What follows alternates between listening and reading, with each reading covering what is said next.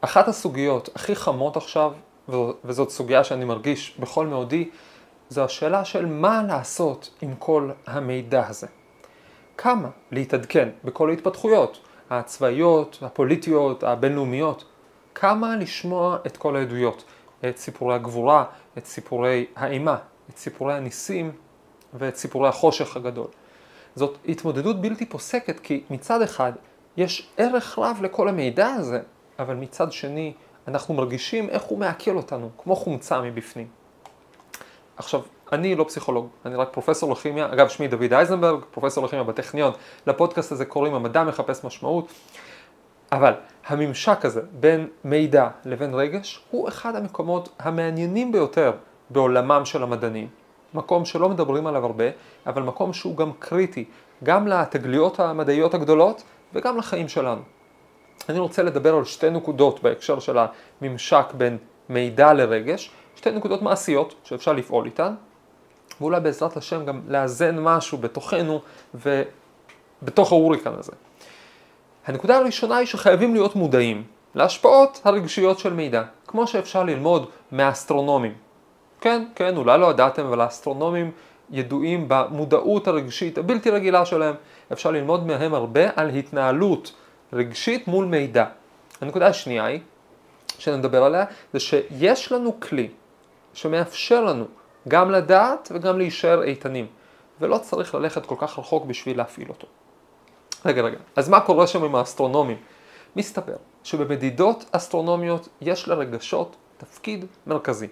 עובדה, למשל, כשהאסטרונומית או אסטרונום רוצים למדוד משהו חשוב, לדוגמה את קצב התפשטות הגלקסיות.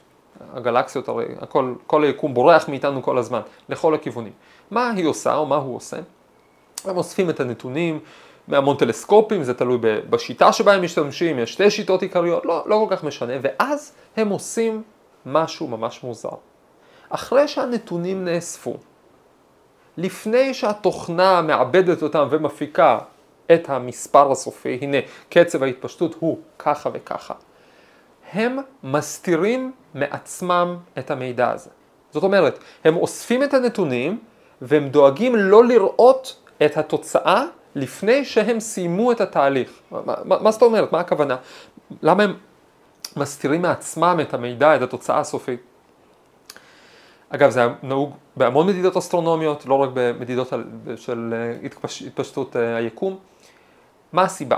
בואו נחשוב על התרחיש הבא. נגיד שאני מודד את קצב התפשטות הגלקסיות, אני מקבל ערך של 75, לא משנה היחידות, קילומטר לשנייה למגה פרסק, לא חשוב, קיבלתי 75. אני מקבל את הערך הזה, ואז אני אומר לעצמי, רגע, רגע. האחרים לפניי קיבלו בין 80 ל-85, איך יכול להיות שאני קיבלתי 75? לא, מדדתי הכי טוב שאני יכול, אבל אולי הייתה איזה, מדיד, איזה שגיאה. ואז אני מתחיל לחפש שגיאות, שזה בסדר גמור לכשעצמו. אבל מה? אני כבר מוטה לכיוון להגדיל את הערך. יש לי הרגשה שהערך שלי נמוך מדי. המידע שקיבלתי שהערך שלי נמוך משל האחרים משפיע עליי. אני מתחיל לחשוב, לחפש שגיאות, השגיאות שמתקנות כלפי מעלה טובות לי, ברגע שאני אתקן מספיק כלפי מעלה, אולי אני אפסיק לחפש שגיאות, אולי אני פשוט אפרסם את מה שקיבלתי ואני אגיד הנה זה מה שיצא. כמובן, גם אם יקרה משהו הפוך, אם יצא לי ערך גבוה מדי, אני אתחיל לחפש שגיאות, אבל אולי כאלה שמנמיכות, או שאם אני אצבור מספיק שגיאות שמנמיכות, אני פשוט אפסיק לחפש. לכן, אותם צוותים של אסטרונומים, לפני שהם יחשפו לעצמם את התוצאה הסופית, הם קודם כל יושבים לחשוב. מה יכול לעוות לנו את התוצאה? הם מחפשים את כל אותן שגיאות, את כל אותם אה, דברים שיכולים להטות לפני שהם רואים מה יצא. האטמוספירה של כדור הארץ, הצבע של הגזים שבהם האור עובר, אה, קלקולים באלקטרוניקה או איזשהם הטיות באלקטרוניקה של המכשיר, אבק, הם עוברים על כל מיני דברים, חושבים עליהם מראש, ורק אחר כך הם מרשים לעצמם להפעיל את החישוב ולראות את התוצאה. הם מסתירים מעצמם מידע כדי לא להיות מושפעים רגשית. בואו רגע נשמע שוב את המשפט הזה. ואולי נחשוב על עצמנו. הם מסתירים מעצמם מידע, האסטרונומים, בשביל לא להיות מושפעים רגשית. אחרי שהם גירדו כל תיקון אפשרי, אחרי שהם בדקו כל חישוב אלף פעמים, אחרי שהם התחייבו לפרסם את התוצאה כמו שהיא בלי תיקונים נוספים מרגע שהם יראו אותה, אז הם לוחצים פליי על התוכנה, הם מקבלים את הערך ומפרסמים אותו. היום באסטרונומיה, ברוב המאמרים מהסוג הזה צריך לפרסם שעשית ככה, שלא עיוותת את התוצאות מבחינת שום סוג של הטיה רגשית מהסוג הזה, לא השפעת על האמינות של התוצאות באופן מודע או בלתי מודע, ובעיניי יש כאן מסר מדהים על הקשר בין מידע לרגש. אגב, לא רק אסטרונומים עושים את זה, אלה ניסויים שנקראים double blind, סמיות כפולה, עושים את זה המון ברפואה, גם בפיזיקה של חלקיקים אני חושב עושים את זה הרבה, אולי אפילו עוד לפני האסטרונומים, אבל לא, לא בהרבה תחומים, אבל עדיין. אבל הנקודה היא שיש כבר מדענים, מדענים רבים, שיודעים שיש קשר דו-סטרי, קשר מעגלי בין מידע לרגש.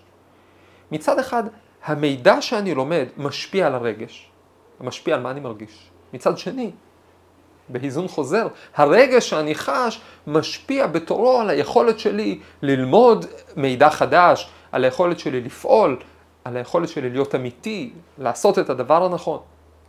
המידע משפיע עליי, ואז כשאני מושפע ממנו, המידע עצמו נתפס אחרת. גם אנחנו היום, בזמן המלחמה שמתחוללת בארץ ישראל, חשופים להמון מידע, אבל חייב, לנו, חייב להיות לנו ברור, כל מידע שנכניס פנימה ישפיע עלינו. ישפיע על הרגשות שלנו, ישפיע על החוסן שלנו, ישפיע על יכולת ההתמודדות שלנו. כל מה שנשמע, נשמע, ישפיע על היכולת שלנו להיות הורים, להיות חברים, להיות תומכים למי שצריך עכשיו את הכוח שלנו. כמו שהאסטרונומים הבינו שמידע משפיע על הרגש, גם לנו יש מחויבות לשלוט בצריכת המידע שלנו, לנהל אותו שהוא לא ינהל אותנו. הרי האסטרונומים לא התביישו לחסוך מעצמם מידע עד לרגע הנכון. לא לדעת כדי להישאר אמיתיים, כדי להמשיך לעבוד בצורה הנכונה. וזה מביא אותי לנקודה השנייה. הרי יש דברים שחייבים לדעת. אני לא יכול לסגור את האוזניים, את העיניים, כי אני צריך לדעת דברים מסוימים. למשל, אני צריך להתעדכן במה שקורה כדי להיות מוכן עם תגובות בכל מיני אירועים. אני צריך לשמוע את הסיפורים כדי לתת כבוד לגיבורים שלנו. אני צריך לזכור ולא לשכוח את האימה. אגב, יש עכשיו קבוצה של דוקטורנטים להיסטוריה באוניברסיטת תל אביב שהקימה כבר, מקימה עכשיו ארכיון עדויות לאסוף את כל מה שקורה עכשיו, אלפי סיפורים. כל ה... כדי שנוכל לאבד וללמוד מהמגה פוגרום שחווינו ומהמלחמה שאנחנו בעיצומה, וכמובן צריך לדעת מה קורה כדי לגבש דעה, כדי להשפיע על מקבלי ההחלטות, על נבחרי הציבור שלנו, לפעול לניצחון מלא ומוחלט, ולו הפעם. אז צריך לדעת. יש סיבות טובות לדעת, אבל מצד שני, מה לעשות עם המחיר הרגשי שכל הידיעה הזאת גובה מאיתנו, כל המידע הקשה, הבלתי פוסק, בקושי יש לנו זמן לעכל אותו שכלית, שלא, שלא לדבר על לעבד אותו רגשית, גם תוך כדי הכל קורה, עבודה, משפחה, כל מיני אירועים. גם כאן התשובה, או הצעה לתשובה, נעוצה בממשק הזה שבין מידע לרגש, שבין ידיעה להרגשה, בכוח נפש מסוים שנקרא כוח הדעת.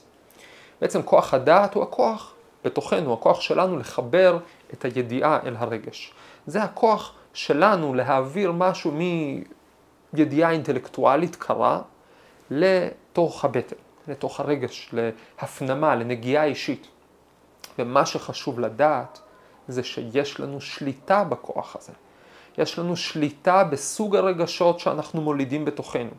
כל זה מתואר אגב בספר היסוד של אה, הפסיכולוגיה היהודית אפשר להגיד, ספר החסידית, ספר התניא, מוסבר שם בפרוטרוט איך השליטה הזאת מתבצעת על ידי התבוננות מודעת. אגב, יש אתר כזה, יש מרצה מעולה בשם דוקטור יחיאל הררי, גם חבר יקר, שהאתר שלו נקרא התבוננות, והוא מדבר הרבה על הנושאים האלה, כי התבוננות זה כוח על. אבל כוח על כזה שיש לכל אחד מאיתנו. בעצם התבוננות היא הבחירה לחשוב על אספקט כזה או אחר של המידע שאני מקבל. הבחירה לחשוב עליו ולהקדיש זמן לחשיבה הזאת, להקדיש מיקוד לחשיבה הזאת. למה? כדי לשלוט ברגשות שאני מעורר אצלי. אני אביא דוגמה מתחום לא פשוט, אבל לצערי שמתרחש עכשיו והלוואי ויגמר מהר. אנחנו הולכים ללוויות. הכאב הוא עצום, לפעמים קשה מנשוא, אבל אחרי האירוע אנחנו יכולים לבחור במה למקד את המחשבה שלנו, במה להתבונן. אני בוחר להתבונן בגבורה. באומץ, בהשפעה שאותו נופל, השם ייקום דמו, הצליח להשפיע, בטוב שהוא ניסה לעשות בעולם, בטוב שהוא הצליח לעשות בעולם, בשליחות שהוא הותיר לנו, בחיים שהוא אפשר לנו לבנות, ולמה אנחנו צריכים להקדיש אותם. אני בוחר להתבונן, להתבונן בדברים האלה, אני בוחר לשמוע חדשות בזמנים מסוימים וקצובים, בזמנים שאני חזק, אני בוחר לשמוע חדשות ולהתבונן במעשי הגבורה של אזרחים ושל חיילים, להתבונן בכל הטוב שעושים עכשיו, כל ההתנדבויות, כל ההתגייסות, כל האחדות המדהימה הזאת, אגב, גם רואים את זה בלוויות, שנראה את זה מחוץ ללוויות, האחדות המדהימה הזאת בתוך עם ישראל.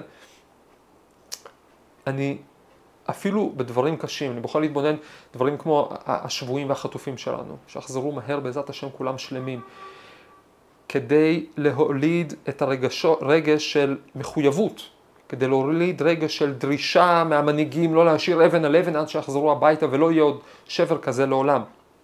כל דבר שקורה, אני יכול לבחור באיזה אספקט שלו, באיזה צד שלו להתבונן, ואז להתבונן בו, לחשוב עליו באופן פעיל. אנחנו עושים את זה כל הזמן אגב, הרבה פעמים אנחנו מתבוננים בדברים, אבל לאו דווקא באלה שאנחנו בוחרים, קופצת לנו איזו תמונה, ואז אנחנו מתבוננים בה שוב ושוב ושוב, והרגשות שהיא מולידה בתוכנו יכולים להיות מאוד מאוד רעים, אנחנו יכולים לבחור להתבונן בתמונה אחרת. אנחנו בוחרים לקבל, אנחנו בוחרים מתי לקבל מידע ואיזה. ואנחנו גם בוחרים איזה רגשות להוליד מתוכו. על ידי שאנחנו בוחרים במה להתבונן, באיזה צד של המציאות. אנחנו לא נותנים למידע לקחת אותנו לכל מקום שהוא רוצה, לאימה, שזה באנגלית, טרור, טרור, לקחת אותנו לרפיון ידיים. אנחנו בוחרים להתבונן, לעורר אצלנו רגשות של זקיפות, זקיפות קומה, של נחישות, של יציאה מתוך עצמי לטובת האחר. כל אחד במקומו. ומה שיפה זה שאפשר להתחיל עכשיו. בהצלחה.